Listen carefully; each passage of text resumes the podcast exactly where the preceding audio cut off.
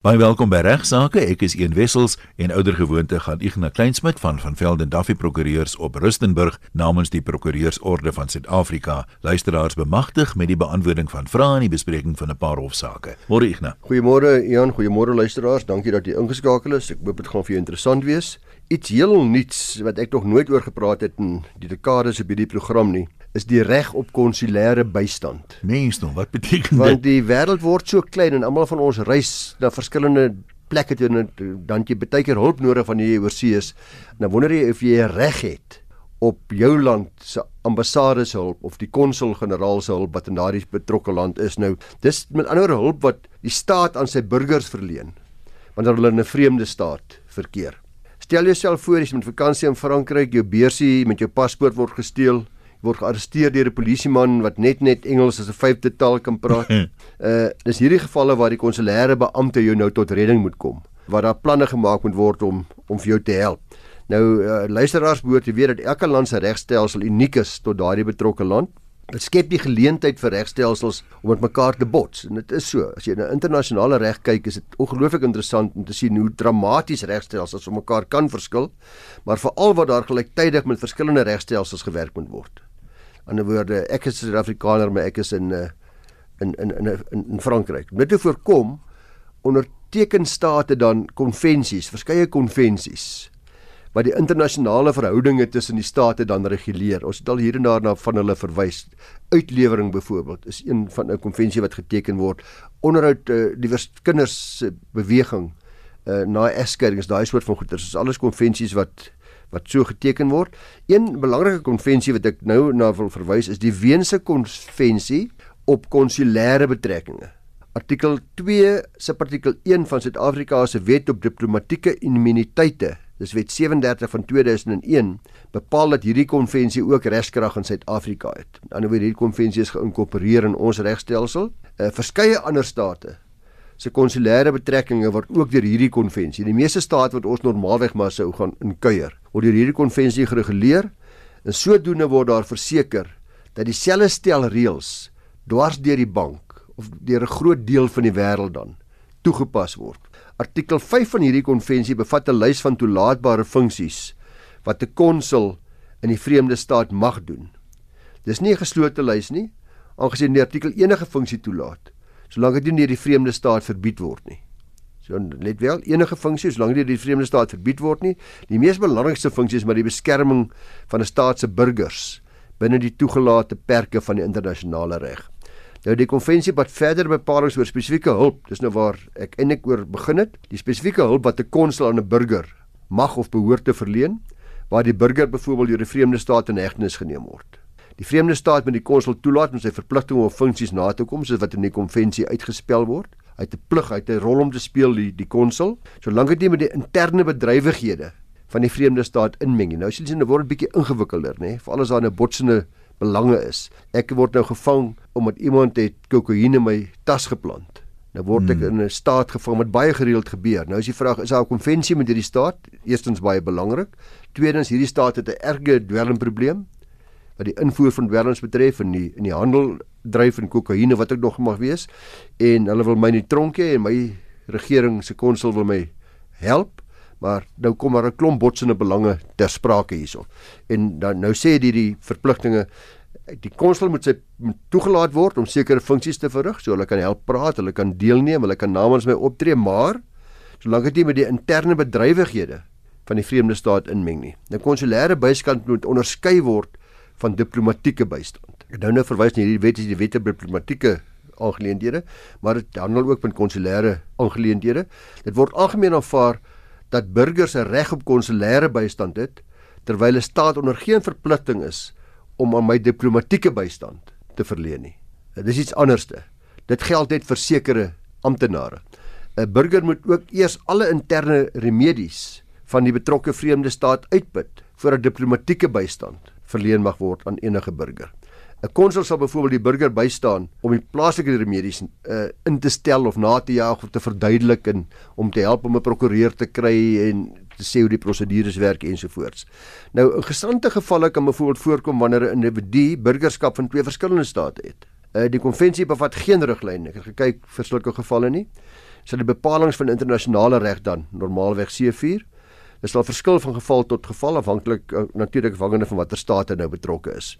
Uh gevolglik sal dit wys wees vir ons luisteraars wat ander state wil besoek, luisteraars om maar seker te maak. Ek doen dit maar altyd uh, as ek reis oor see uh om net vinnig te gaan Google wat is die ambassade se adres, wat is hulle telefoonnommer sodat ek as ek iewers vashak in 'n land en iets onverwags gebeur, dat ek dadelik daardie kontakbesonderhede by my het, byderhand het. Uh indien dan ooit 'n situasie is waar jy van daardie hulp gebruik moet maak, moet jy ook aandring daarop dat die beamptes van hierdie vreemde staat jou konsulêre kantoor onverwyld kontak want almal wat hierdie konvensie geteken het onderneem dan ook in hierdie konvensie dat wanneer daar 'n burger van die ondertekende lande is dan sal hulle onderling hulp verleen aan hierdie burgers om by hulle konsul uit te kom om kontak te maak met hulle konsul.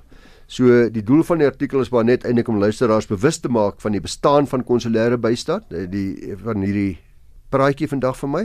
Luisteraars wat meer wil weet, kan gerus die webtuiste van die Departement van Internasionale Verhoudinge en Samewerking besoek. Dit is Dirko D I R C O is die webwerf se naam D I R C O en baie dankie aan Janus Olivier die jong prokureur daar by ons wat vir my al hierdie inligting bymekaar gekry het. Wat het ons nog op regsaake se rol vandag? Baie belangrike aspek Ian, dit gaan oor weer maar die nuwe manier van besigheid doen en handel hier met elektroniese handtekeninge en die geldigheid daarvan. In Suid-Afrika is die oorgrootste meerderheid van kontrakte geldig ongeag of dit skriftelik of mondelings is of elektronies aangegaan is. Uh, elektroniese handtekeninge word reeds sedert 2002 snaaks genoeg in Suid-Afrika erken as geldige handtekeninge met die inwerkingtreding van die wet destyds. Dit is die ECTA wet, ECTA, Electronic Communications and Transactions Act. Maar tog is my indruk dat dit eers deesdae maar begin uh, al hoe meer 'n groter werklikheid word. Artikel 13 se artikel 2 van hierdie wet bepaal spesifiek dat kontrakte wat elektronies aangegaan is geldig en afdwingbaar is enige maatskappy in Suid-Afrika gebruik maak van elektroniese handtekeninge om sekere kontrakte aan te gaan. En dit is duidelik dat hierdie handtekening al hoe meer gewild raak omdat dit so gerieflik is. Maar dis belangrik vir ons luisteraars om te verstaan presies wat beteken, wat behels 'n geldige elektroniese handtekening. Klink 'n bietjie ek het nie geweet tot ek nou vir Esmarie McKelligan naby ons gevra het of hy moet dit verduidelik nie. Artikel 1 van ECTA definieer hierdie handtekening as volg: Dis data wat aangeheg is, geïnkorporeer is of logies geassosieer word met ander data en wat bedoel is om as 'n persoon se handtekening te dien. Dis is 'n baie wye definisie wat veroorsaak dat jou elektroniese handtekening op baie verskillende maniere gemaak kan word. Die wet definieer die handtekening dan dat dit logies verbind moet word met daai ander data om as jou handtekening te dien. Die meeste ondertekende kontrakte wat deur mense onderteken word is byvoorbeeld as jy 'n nuwe kar koop, onderteken jy by sommige handelaars die kontrak deur die druk van 'n knoppie op jou rekenaar. Sit jy al voor die rekenaar en sê teken net hierso, druk hierso, dan jy nou dan jy reg. Mm -hmm. Makelaars maak gereeld gebruik van elektroniese handtekening vir jou polisse wat uitgeneem word. Aan die ander woorde, almal van ons het polisse telefonies uitneem. Daai handtekening wat jy daar gemaak het, is al elektroniese handtekening. Wanneer jy transaksies in die bank doen, versoek die bank dat jy jou handtekening op 'n skerm maak. Hierdie skermpie wie ja, so met ja. jou vingers sommer maak. Hom ken ek daarop. Ja. Wanneer jy jou selfoon kontrak hernie, maak jy elektroniese handtekening. Na nou, ensovoorts. Maar as ook 'n hele klompie uitsluitings wat ek net vinnig na verwys wat die e artikel 4 van hierdie wet EKT wet maak dit duidelik dat daar uitsluitings is. Die belangrike een wat ons almal sal verstaan is die kontrakte by verkoop van onroerende eiendom die wet op vervreemding van grond soos ons almal weet vereis dat ooreenkomste wat jy grond of huis of iets koop moet beskrif gestel word en sekere formaliteitsvereistes aan voldoen. Wet sê ook die ondertekening van 'n testament, die wet op testamente maak dit baie duidelik op skrif wees, woordelik geteken word deur voorgetuies ensovoorts. Langtermyn huurkontrakte, die wet sluit kontrakte uit wat langer as 20 jaar oor onroerende eiendom is. Aan die ander woorde oor eh, huurkontrakte oor grond langer as 20 jaar Nou dis interessant, die wetgewer het myns en siens hierso ek sien iewers in 'n ek het iewers in 'n ander opinie ook gesien 'n fout gemaak. Uh want ons weet almal ons langtermyn huurkontrakte in Suid-Afrika, die wet is baie duidelik is 10 jaar en langer. Dis waar jy baie keer huurkontrakte kry vir 9 jaar en 11 maande, maar na 10 jaar moet hy geregistreer word, notarieel verlei word. Ja, ons het daaroor gepraat. Teen die titelakte geregistreer word.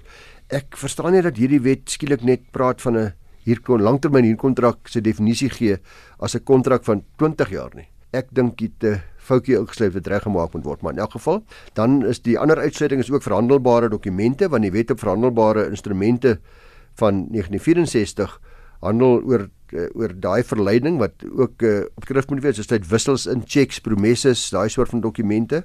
Uh dan is dit belangrik om te weet dit sal wettig en afdwingbaar wees om byvoorbeeld die leningsooreenkomste as ander dokumente van 'n finansiële instelling elektronies te onderteken wanneer jy 'n huislening aangaan. Dit dit's nie deel van die verkoop van die koopkontrak van jou onroerende eiendom nie. Jou aansoek vir jou huislening, jou verbandsdokumentasie ensovoorts. Sekere dokumente sal fisiek moet onderteken word, maar uh daar is sekere soos aansoek vir lening ensovoorts vir jy andersins uh, uh, elektronies kan onderteken. Nou 'n belangrike ding wat ek ook net vir die luisteraars wil sê is dat ek het dink ek dal daarna verwys, net weer 'n keer sê dat dis nou alle duidelik vir my dat die die nuwe wetsontwerp op die elektroniese akte registrasiestelsel as ook die hele aktes registrasiestelsel in Suid-Afrika uh, maak dit duidelik dat die hele registrasie van aktes, dit is jou jou oordrag van jou eiendom gaan uh, redelik dramaties in Suid-Afrika verander. Uh die prosesse gaan dramaties verander. Dit gaan baie meer elektronies uh, georiënteerd word en daar gaan 'n elektroniese akte registrasiestelsel wees wat hopelik dit vir almal baie goedkoper gemaak, baie vinniger gemaak sonder om die geldigheid en uh integriteit van jou registrasie, van jou eiendomsreg enigstens aan te tas.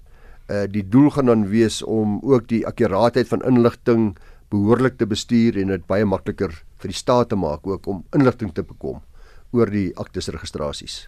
Daar is natuurlik baie mense skepties wees daaroor. Ek meen as ouens nou wat nie eers aanlyn transaksies doen om iets te koop nie en 'n mens hoor tog soms van selfs banke waar inligting deur kuberkrakers bekom word en so aan so ja. daai ja. webwerf moet net nie kres nie. Dis reg. Ja, jy het my 'n briefie gestuur wat jy sê luister dat jy gevra daai verskil is tussen 'n warranty en 'n guarantee. Ja. Jy het self gesê jy verstaan nie die onderskeid nie en ek het onmiddellik ook gedink is dit nie dieselfde ding nie. Uh, jy sê die luisteraar het 'n nuwe bed gekoop.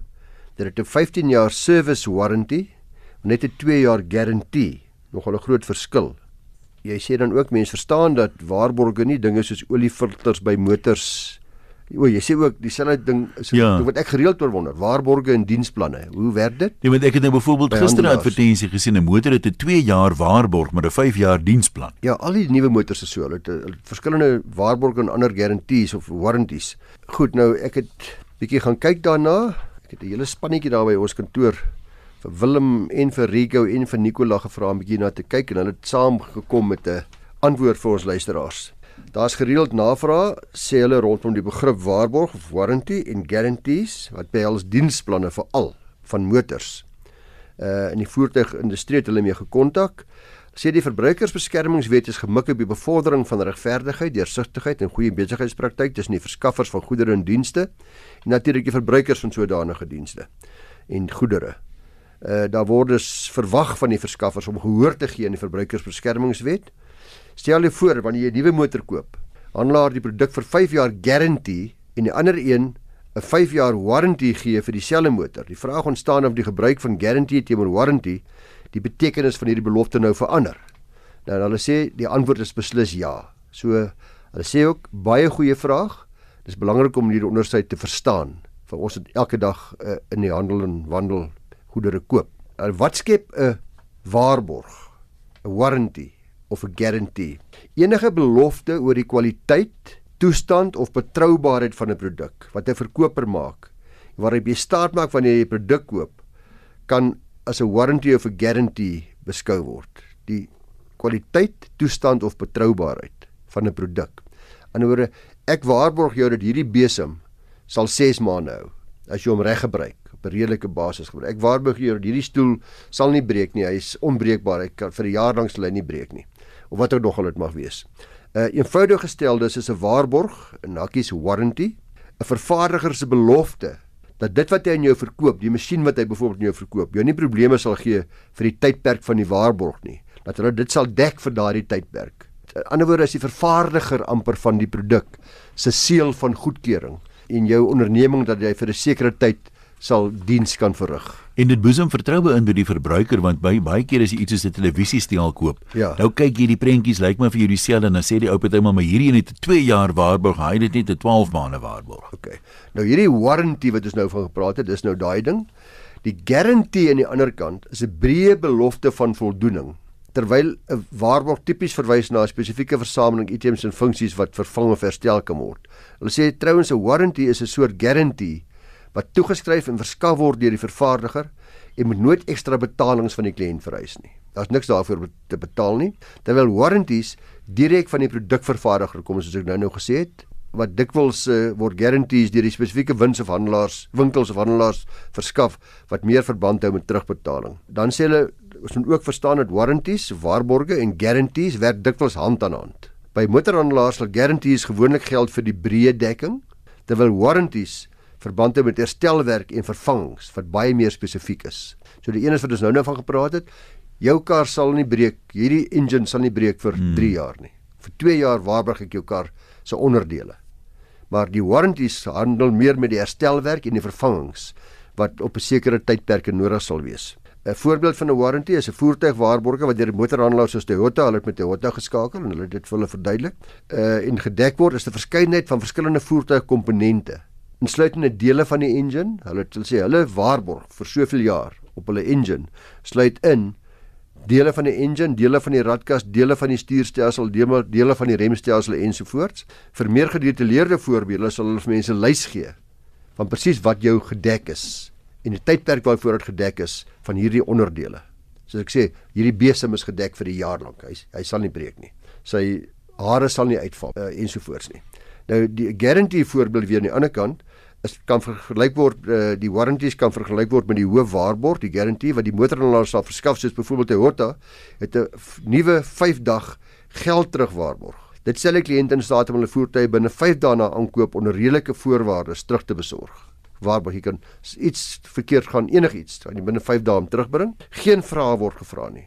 Hierdie waarborg is baie breed aangesien dit 'n geserviseerde dekking bied vir verskillende onderdele en herstelwerk nie, maar beloof kliënte slegs dat hulle voertuig kan terugbring binne 5 dae nadat dit verkoop is. Belangrike faktore om kennis te neem van motorvoertuigwaarborge is lees die voorwaardes, kyk wie voertuig watter dienste dit spesifiek insluit, maak seker van die uh, diensintervalle, hoe gereeld dit is. Jy kan slegs een voorval in meeste van hulle op 'n slaghuis, een een uh, ding op 'n slaghuis baie keer en uh baie keer kan verval hierdie waarborge en warranties as jy gaan self beter met die voertuig. Ja, ja. Of selfs dele gaan vervang.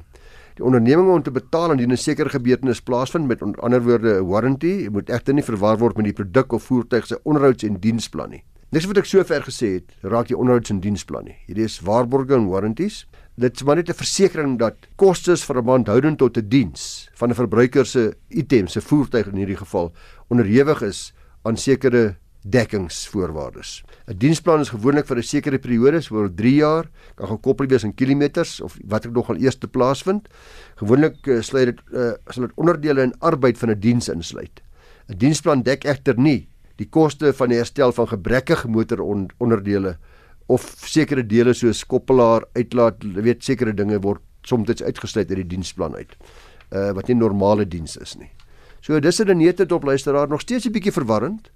Maar belangrik is eintlik om wanneer jy na die woorde kyk, nie net die woorde te kyk nie, maar te vra presies wat is hierby ingesluit. En hulle sê dat al die paar motorhandelaars hulle gebeur het, het dit onmiddellik vir hulle gegee. Sê hier's wat ingesluit is by my waarborg, ja. hierdie is ingesluit by my diensplan, hierdie is ingesluit by my warranty. Ja, die Engelse terme wat hulle dikwels gebruik, die service plan dek meestal die standaard diens, maar 'n ja. maintenance ja. plan dek omtrent enige iets wat kan verkeerd gaan. Correct, ja. Na eerste 5 jaar of 100 000 km is dit dikwels. Nou uh, as mens nou hierdie alles alles wat ons gesê het met opsom in 'n minuut want dit is eintlik maar hoekom ek die besluit het om dit te hanteer die navraag wat jy gerig het as 'n algemene navraag. Is net te sê wees bedag daarop dat daar dramatiese verskille is, beduidende verskille is tussen 'n waarborg en 'n warranty en 'n diensplan ensovoorts en dat jy moet seker maak presies wat dit is wat die handelaar jou aanbied. Absoluut.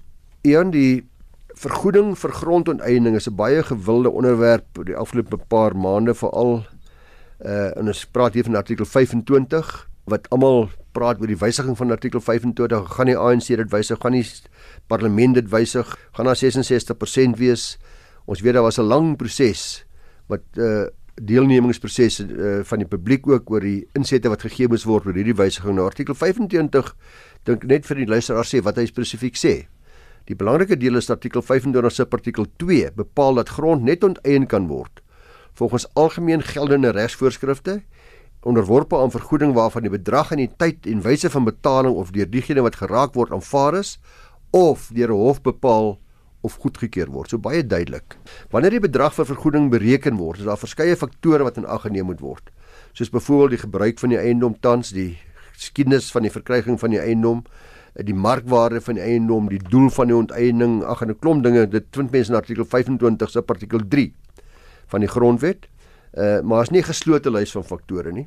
Enige relevante faktore kan in ag geneem word om die vergoeding te bepaal, maar die kernfaktor wanneer vergoeding bereken word, is duidelik volgens ons grondwet en die onteieningswetgewing geregtigheid en billikheid. Nou hierdie saak wat ek gaan bespreek is eis in 'n ander teen Mziza en ander. Dit is 'n saak uh, wat in 2017 in ons appel of hoogste hof van appel aangehoor is en dit is vanaf die grondeisehof is dit is daar appel aangeteken uh, deur die grondeienaar teen die bedrag van vergoeding wat die grondeisehof toegestaan het. 'n Gedeelte van die appellant se grond was suksesvol onteien ten gunste van arbeiders, soos 'n familie reeds sedert 36 op hierdie grond gewoon en gewerk het. Die grondeis was dus toegestaan deur die grondeisehof op, op November 2004 en daarna het die appellant en die minister skikkingsonderhandelinge gehad oor die bedrag van die vergoeding. 2012 kon hulle nog nie skikking bereik nie. Gevolglik het meneer Mziza die grondeiser toe 'n aansoek in die grondeisehof geloods vir die hof om nou bedrag te bepaal dat hierdie transaksie nou afgehandel kan word. Die grondhuishof beslis dat 'n uh, bedrag van 1.5 miljoen rand redelike vergoeding is, ten spyte van die minister se deskundige wat getuig het dat die billike vergoedingsbedrag 1.8 miljoen rand moet wees. Meena van die rede besluit die grondhuishof nee, dis 1.5 dik vir hulle meer billik. Die appellant voer aan van mening dat die eiendom met ontwikkelingspotensiaal indien ontwikkel word sal die markwaarde 4.3 miljoen wees. So hy sê dis baie meer werd want jy kan ontwikkeling op daai stuk grond doen. Hy's reg geleë ensovoorts vir ontwikkeling. Die appelhof moes dus besluit of 'n faktor soos grond se ontwikkelingspotensiaal in ag geneem kan word wanneer 'n billike vergoeding bepaal word. Hulle kyk na verskillende beginsels. Na deeglike oorweging van regspraak het die hof beslis die beginsel wat vereis dat die hindernis tot residensiële ontwikkeling geïgnoreer moet word wanneer die waarde bepaal word dat daardie beginsel nie toepassing vind op hierdie saak nie omdat die appellante reeds geweet het van die grondhuis toe hulle die eiendom gekoop het in die jaar 2000. En uh toe hulle geweet daar's 'n grondhuis en toe hulle 'n prys bepaal wat glad nie ontwikkelingswaarde in aanmerking geneem het nie. So die appelhof beslis dus dat die bedrag van 1,8 miljoen rand vergoeding baie billik is en dat die hof se verlaging van 300 000 rand van die waardasie heeltemal onbillik was en sonder enige gronde gedoen was. So luisteraars, wanneer u dus grond koop, beter nou dat daar grondhuis teen die eiendom ingestel is, sal u nie op die beginsel kan staat maak dat die ontwikkelingspotensiaal van die grond daarna in aanmerking geneem moet word ter einde 'n verhoging van die vergoeding bewerkstellig nie. Maar soos ons almal weet, ons wag om te sien nou na die verkiesing hoe en watter wyse artikel 25 gaan uitspeel en of daar werklike wysigings gewees en wat die effek van daai wysigings gewees. Ons het daarom 'n uh, eh, redelike herhaalde versekering gekry van die politici en dit sluit in ons staatspresident dat hierdie op 'n baie redelike en billike wyse toegepas sal word en dat dit slegs op sekere grond van toepassing gaan wees. Ek nou baie dankie. Dis dit vir vandag se regsaake. Stuur jou vrae vir beantwoording in toekomstige programme sommer direk vir Igna na igna by ffd.co.za. Mooi loop ons praat volgende maandag weer.